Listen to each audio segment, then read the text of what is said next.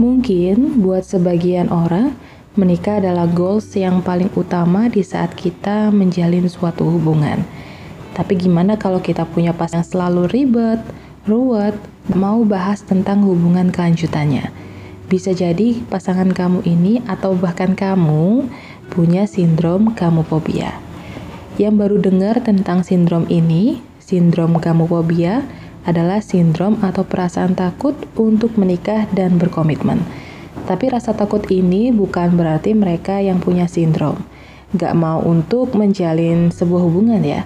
Cuma mereka hanya takut untuk melakukan hubungan hingga ke jenjang yang lebih serius. Menurut Moshe Redson, konsultan pernikahan dan keluarga dari New York, ini bilang, Komitmen adalah sebuah beban dan keputusan yang sangat berisiko tinggi bagi penderita gamophobia.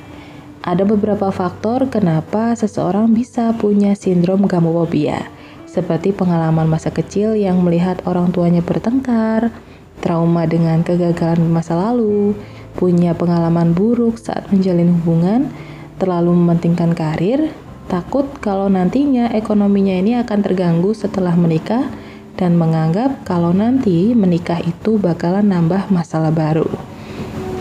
Biasanya, seseorang yang punya sindrom ini akan merasa cemas eh, ketika ditanyai tentang pernikahan, selalu menghindar saat membahas pernikahan, tiba-tiba mengakhiri hubungan tanpa sebab yang pasti, merasa lebih nyaman dengan hubungan yang tidak pasti, atau bahkan masih merasa nyaman dengan hubungan pacaran saja. Nah, buat kamu atau mungkin pasangan kamu yang mengalami sindrom gamophobia, ada beberapa cara untuk mengatasi sindrom ini selain harus ke psikiater atau menyembuhkannya. Seperti menemukan akar rasa takut itu sendiri. Dengan memahami rasa takut yang ada di dalam diri sendiri, seseorang akan tahu nih akar masalah dari rasa takut itu. Dan ini adalah tahap awal untuk membantu supaya bisa menghadapi rasa takutnya. Dan untuk menghadapi rasa takut butuh keberanian juga. Nah, lakukan saja dengan perlahan tanpa harus memaksakan diri. Terakhir adalah rasa percaya diri. Dalam pernikahan pasti ada kesedihan dan kebahagiaan. Dengan rasa percaya diri bisa membantu seseorang untuk menghadapi rasa takut yang dialami selama ini. Nah, itu tadi adalah beberapa penjelasan tentang sindrom kamu-fobia.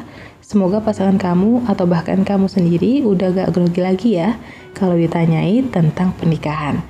Terus dengarkan podcast saya, Mom and Baby Talk, dan semoga bisa membantu. Good night.